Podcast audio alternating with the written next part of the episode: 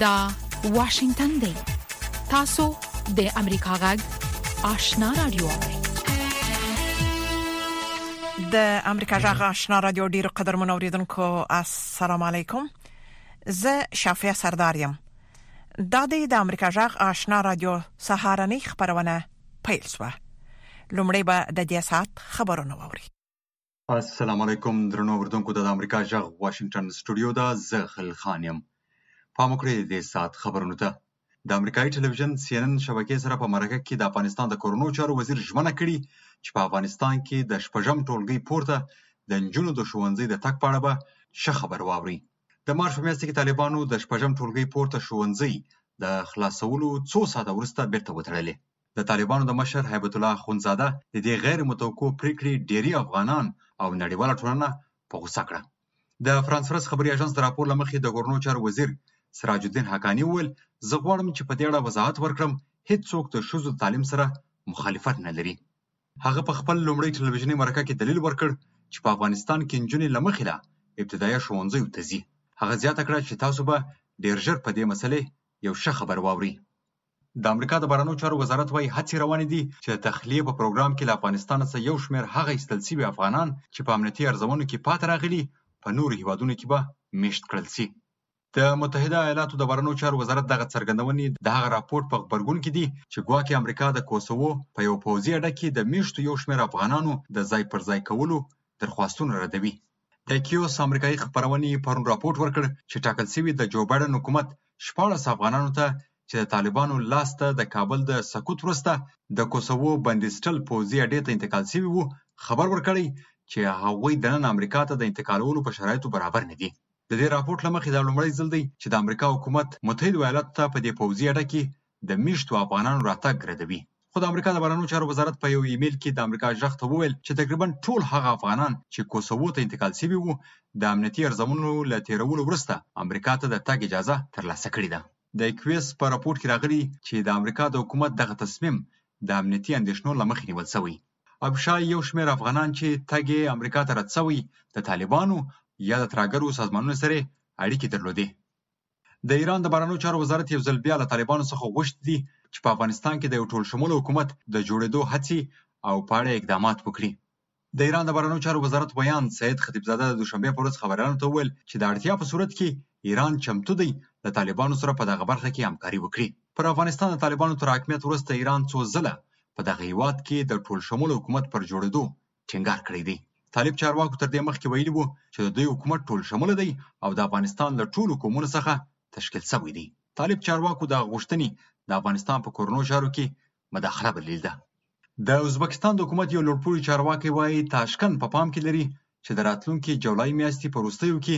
د افغانستان په اړه یو نړیوال کانفرنس جوړ کړي. د تاشکند ټایمز د راپورټ له مخې د ازبکستان د بهرنیو چارو وزارت موقت وزیر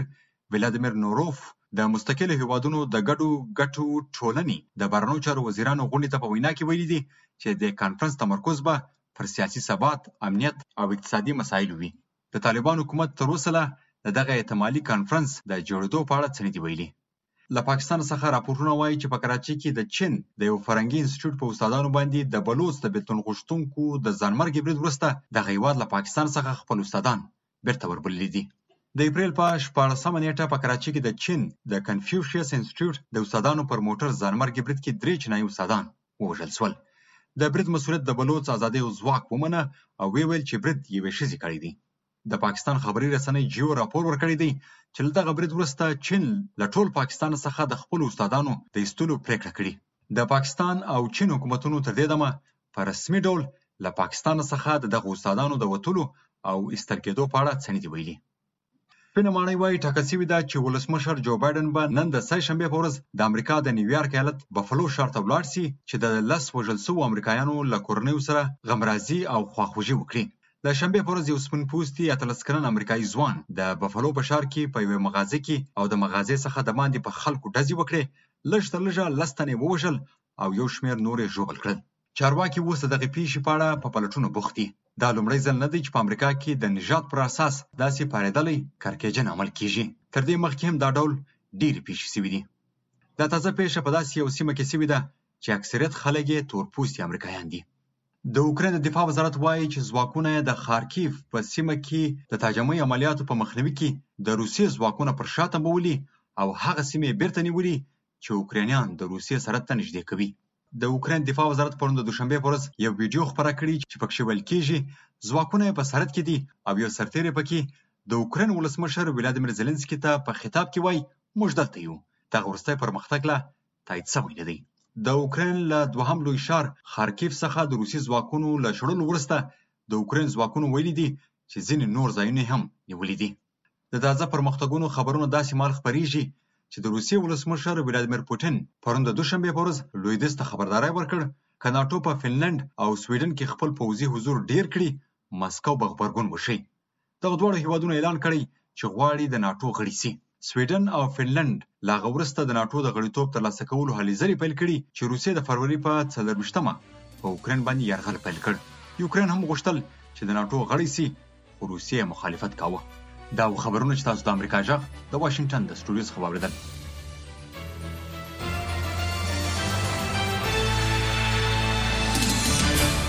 خبرونه مو د امریکا جغ آشنا رادیو څخه واوریدل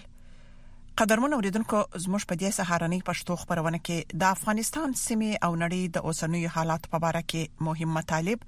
او د امریکا جغ سرمقاله لرو هله د خبرونه تر پای واوري لومړی به راسو د راپورته چې د ازبکستان حکومتي چارواکي وایي د جولای په میاشت کې د افغانستان د سیاسي او اقتصادي وضعیت د ارزولو لپاره د یو نړیوال کانفرنس کوربتوب کوي تر اوسه د دغه کنفرانس په اړه کې ډیر معلومات نه دي معلوم خو د سیاسي چارو یو شمیر افغان کارپوهان وایي د منځنۍ اسیا هیوادونه له افغانستان څخه دغه هیوادونو ته د سخت دریزي د تفکر د خبرېدو څخه اندیشنه لري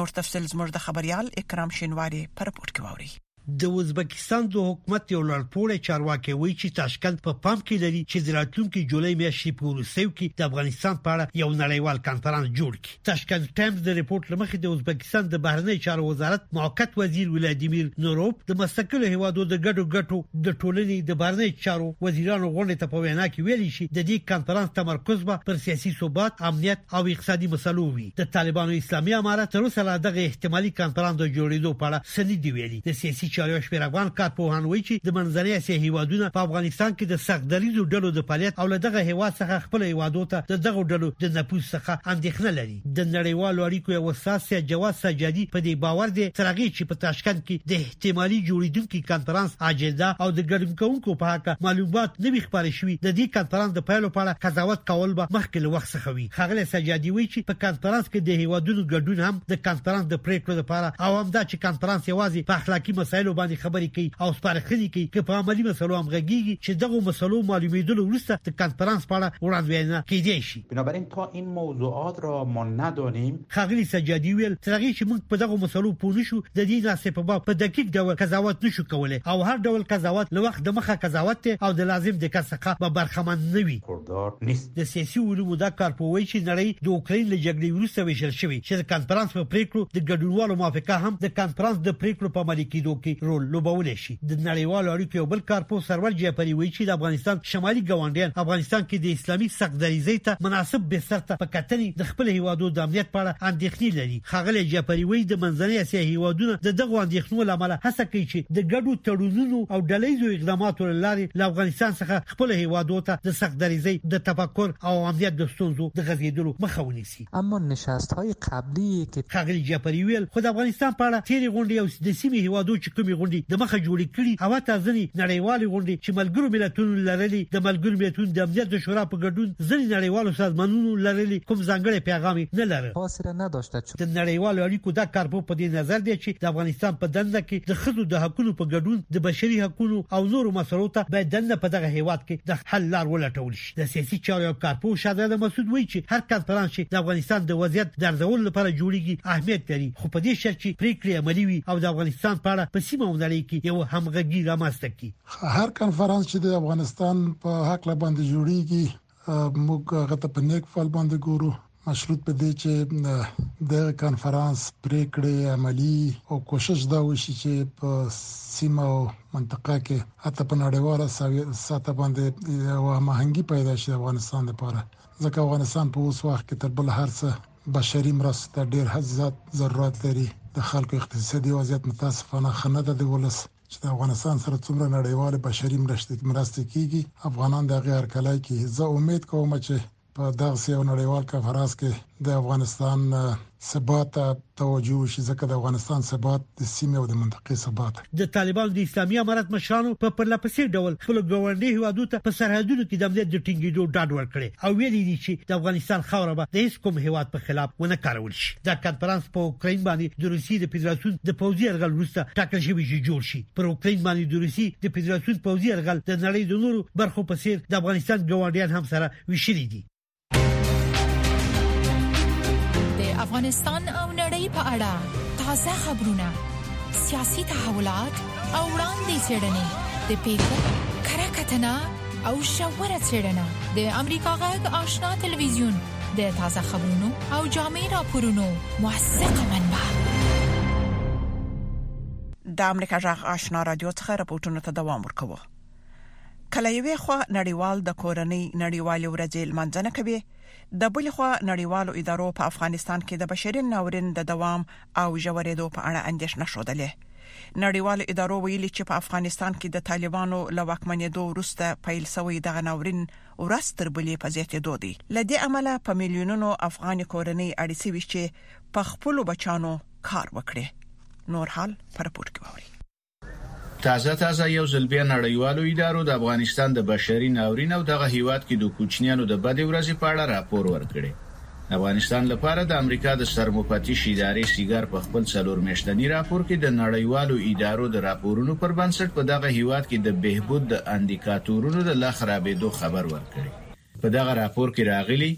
د افغانستان عمومي اقتصادي حالاتو په تېزۍ سره سقوط کړی، شاوخوا اویا سلنه کورنۍ نه شي کولای چې خپلې غذايي او غیر غذايي اړتیاوې پوره کړي. د کوچنیانو د خوندیتوب نړیواله اداره سیو د چلډرن فنډ هم په افغانستان کې د اکثریتو کورنیو د عوایدو د لاسه ورکولو راپور ورکړی.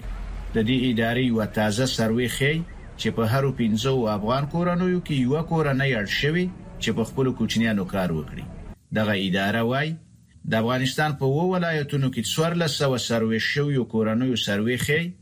چې په افغانستان کې د طالبانو له واکمنېدو وروسته په سلو کې دوه اتیا کورنیو خپل عواید له لاسه ورکړي. په دغو سروې شویو کورنیو کې اتلس سلنه کورنیو ویلي چې دوی اړ شوي چې په خپلو کوچنیانو کار وکړي.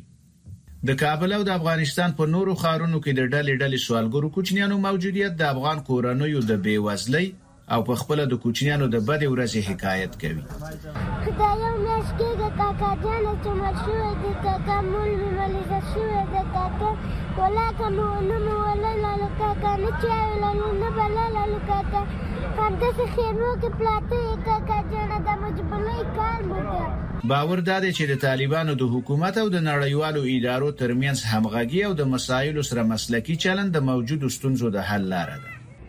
او اوس لپاره په افغانستان کې سرل دی چې ډېره جګړه ختمه ده، خو اقتصادي ستونزې او نور ټولنیزې ستونزې د حده زیاتې دي چې په دې کې د اوسنۍ پالیسي ګانې او هغه څه چې د نړیوالو سازمانونو له خوا کیږي او یا د هغه اړیکې چې د طالبان حکومت نړیوال سازمانونو بهرنیو هیوادونو سره لري د دې ستونزو لپاره یو اساسي حل تر اوسه کې پیدا شوی نه دی کله یو خو په افغانستان کې کورنۍ د پاشل کېدو تر بریده لستونزو سره مخ دي بلخو د ملګرو ملتونو سرمنشي انتونیو ګوتیرش د کورنۍ د نړیوالې ورځې په مناسبت په خپل یو ټویټ کې د کورنیو د بهبود لپاره د خپلو هڅو د دوام ژمنه کړې. ګوتیرش ویلي، ملګري ملتونه به تر هغې خپلې هڅې روانې وساتي چې ټولې کورنۍ یو ځل بیا په سوله کې ژوند وکړي.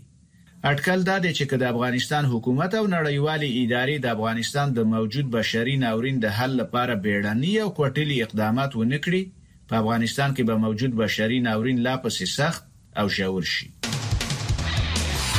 د واشنگټن څخه د امریکا جغ آشنا را دي اوري قدرمن اوریدونکو د خیبر پښتونخوا په شمالي وزیرستان کې یو ځل بیا درې پوځیان وژل شوې دي ورسته یې برید ځانمارګه حمله وه د پاکستان اړوند ادارې وايي روان کال کې د پاکستان په دوو ایالتونو خیبر پښتونخوا او بلوچستان کې د پوځ سره د پاکستانی طالبانو او بلوڅ بیلتون غوښتونکو ترمنځ نشوتو کې نږدې 24 سلنه زیاتوالی راغلی دی نور حال د شهناز نفیس پر رپورت کې واوري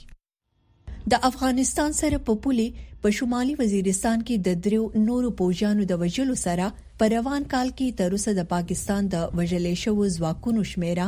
نږدې یو سل او سلور دیرشو ته رسیږي وروستۍ حمله یو ځانمرګي برید کوونکي کړې او هدف یې د پوځ ګاډی وو. څو پورې چې افغانستان کې طالبان راغلي دي نو دلته ټي ټي پي پاکستاني ایریاز کې قبایلي علاقو کې خپلې سرګرمۍ تېزې کړې دي. روزانه اټیکس کېږي، ټارګټ کیلینګ کېږي، د باقاعده ذمه واري عالي او دی دا کوشش دی چې دلته مونږ پاکستان کې هم دا شانته یو سیستم راولو یا کم د دی خپل یو مخکې نه غا دی چې پاکستان کې هم دلته امن راشي یا دی وایي چې شریعت راشي شریعت نفاذ نفاذ پورې بعد خپل دا شنته د مکې یا غاړه کوي. په خیبر پښتونخوا او بلوچستان کې د پوځ او وسله والو ډلو ترمنځ د مودې راهسې د روانې جګړې سره سره هدفي وژنې او په زور د بې درکۍ پېښې هم کېږي. په دواړو ولایتونو کې د مدني ټولنې فعالین د هدفي وژنو او بې درکۍ د پېښو تور په امنیتي چارواکو، او کله کله په وسلوالو ډلو پوري کوي نن هم پیښور ته نږدې باړه کې دوه سکان رونه وجل شوی د پاکستان وزیر اعظم شهباز شریف ویلي دغه کار د پاکستان دښمنانو کړي ریښتیا دا دي چې شمال مغرب سرحد سره د پاکستان خپل ستونزې دي پاکستان په تیرو کلونو کې د نړیوال میډیا لسترګونه پناه هلته خلک وژلي دي دوی چې سرحدي سیمو کې د کوم مقاومت سره مخ دي نو د هغې مخنیوي په بشپړه توګه کولای نشي ماته ښکاري چې دا کار به روان وي ځکه پاکستان تل د طالبانو په څیر ډلو سره د ملاتړ پایلې په سمه توګه نه دی ارزولې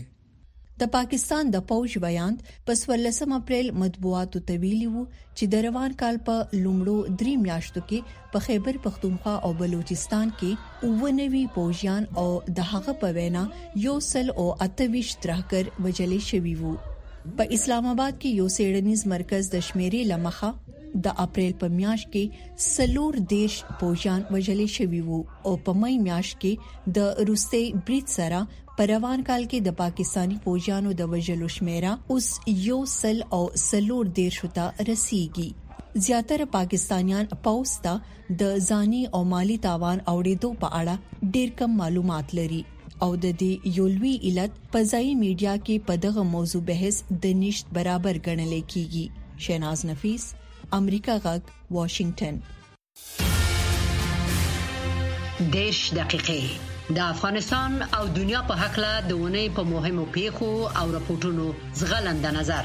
هر جمعه د شپې د 11 بجو نه تر 11 نیمو بجو پورې د امریکا غږ آشنا ټلویزیون نه تاسو د خبرونه د امریکا غږ د سټلایټ د لارې په ژوندۍ بڼه لیدلې او اوریدلای هم شئ.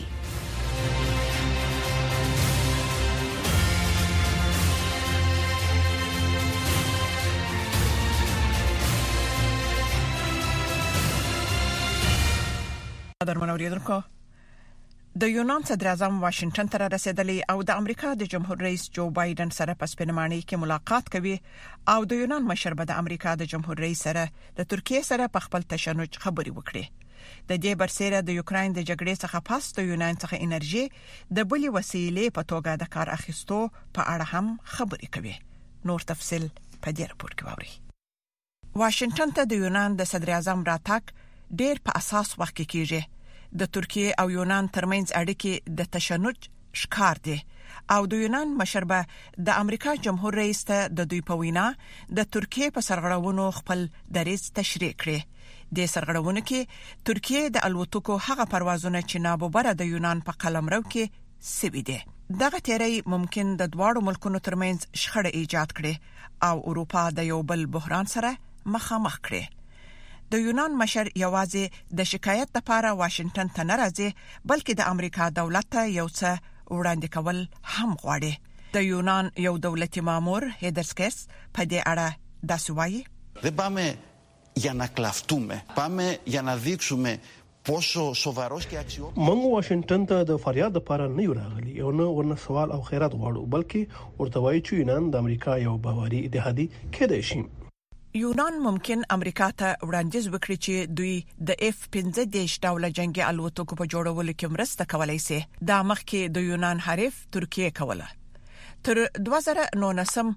کال پورې ترکیې د امریکا سره د جنگي الوتکو تړون درلودي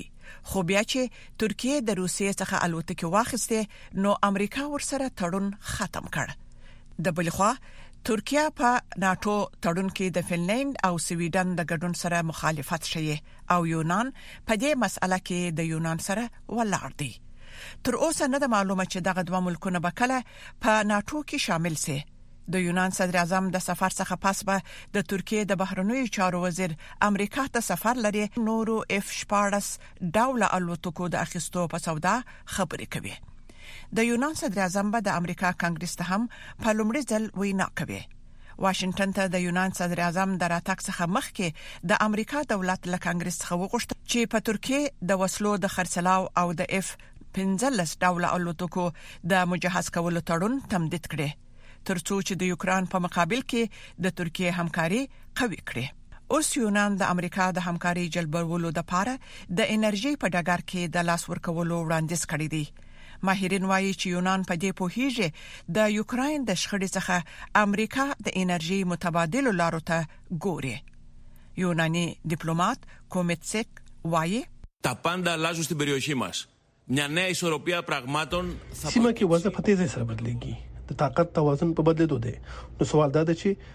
یونان د یوکراین د جګړې نه پس د انرژۍ د متبادلې منبع په توګه کار ورکوی شي او که نه؟ یونان د بلغاریې د لارې د غازو د یو ګران لګښت پایپ لاین په تیرولو کار کوي او کدا تکمیل سي نو د روسي اجاره داري به ختم سي دا پایپ لاین که جوړ سي نو دا به د امریکا، قطر، مصر او نورو ملکونو لپاره د طبي غازو لار خلاص کړي. همدارس دا پایپ لاین به یونان د اروپا لپاره د غازو د یوې مهمې وسیلې په توګه راڅرګند کړي د امریکا غږ د آشنا رادیو د فیسبوک پاته ده وی او ای پښتو د روسیې ګاونډي هیواد فنلند اعلان وکړ چې هیواد به یې لځان پرته ناتو کې د غړیتوب غوښتنه وکړي د امریکا د بهرنیو چارو وزیر انټونی بلینکن په ګډون د ناتو د تړون لوړ رتبه ډیپلوماټانو د یک شنبه په ورځ په برلین کې غونډه کړې او په دې خبرې کړې چې څنګه د اوکرين سره لا نور کومک وکړي د امریکا د بهرنیو چارو وزیر انټونی بلینکن نن سه شنبه د اسرایل له صدر اعظم بنیامین نتانیاهو سره په بیت المقدس کې تر لیدو وروسته ویل چې واشنگټن به په غزه کې د ناوړه بشري وضعیت د ښه کېدو لپاره هڅې وکړي خو په ورته وخت کې به دا ډاډ ترلاسه کړي چې پر غزه واکمنه حماس ډله له دغو مرستو ګټه وانخلي.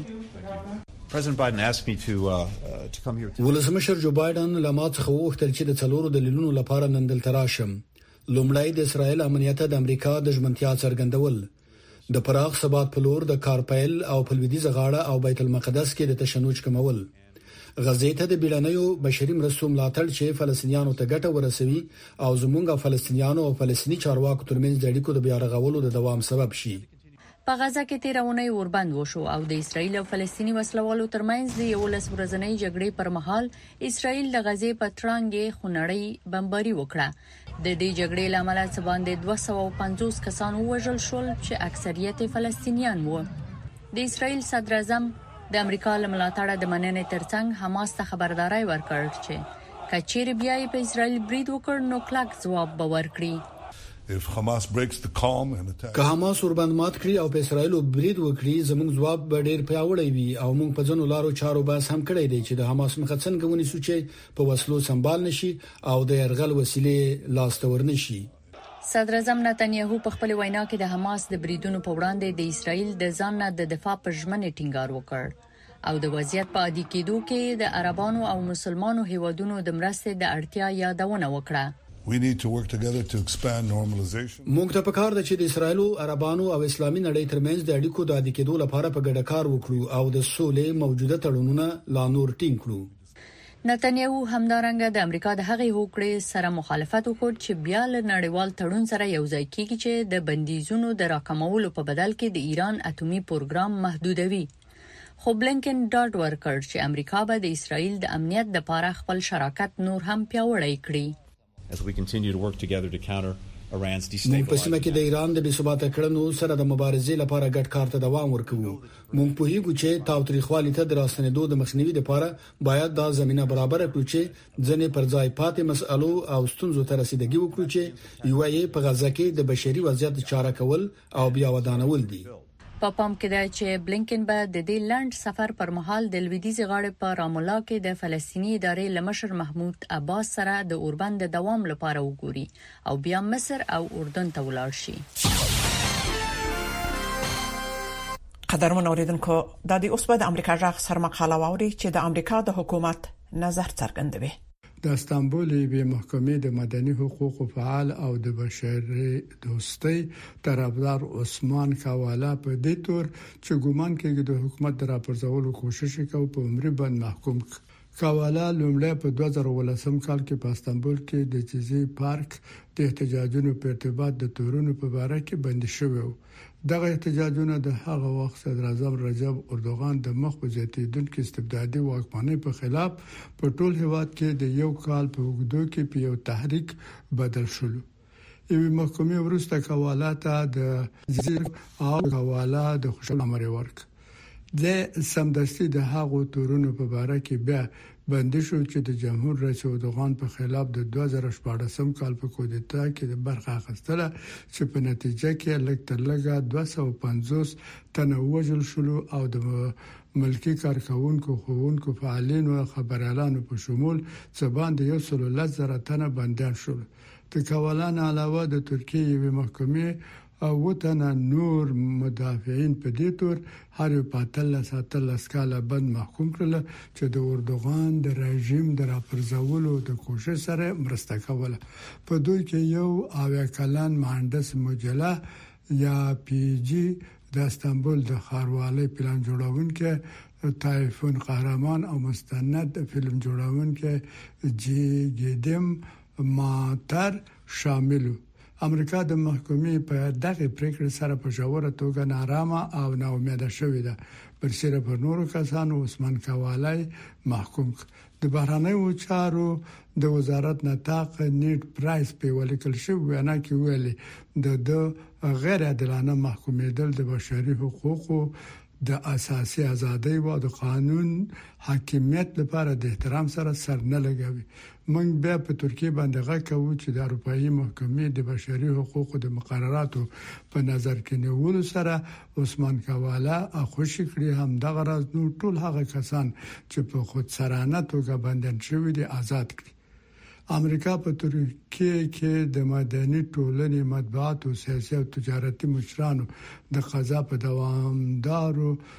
ځورولو سره په جدي توګه اندېښمنه ده، په دې کې بې له محاکمې د اوږدې مودې بند، د ترورېزم او د جنايي تېري د پېښو لپاره د پراخ ملاتړ ادعاوې شامل دي. د بهرنیو چارو د وزارت نطاق په رایس څرګنده کړه، د ترکیې خلک د دې مستحق دي چې د غچ اخیستلې له ویرې نه په غیر د خپلو بشري حقوق او اساسي ازادیو نه کار واخلي، د بیان له ازادۍ نه د کار اخیستلو، د سوله ییزو غونډو او ټولنو له جوړولو نه د کار اخیستلو حق د ترکیې په اساسي قانون او د دې د بین المللي قانون په مسوولیتونو او د اروپا د امنیت او همکارۍ لپاره د سازمان په ژمنو کې راغلي د منک له حکومت نه غواړو چې د سیاسي هدف لمخې تعقیبول پای ته ورسوي او د ترکیه د ټولو اتباعو د حقوقو او ازادیو درناوی وکړي تاسو د امریکا جغ سر مقاله واوریده چې د امریکا د حکومت رسمي نظر څرګند کړ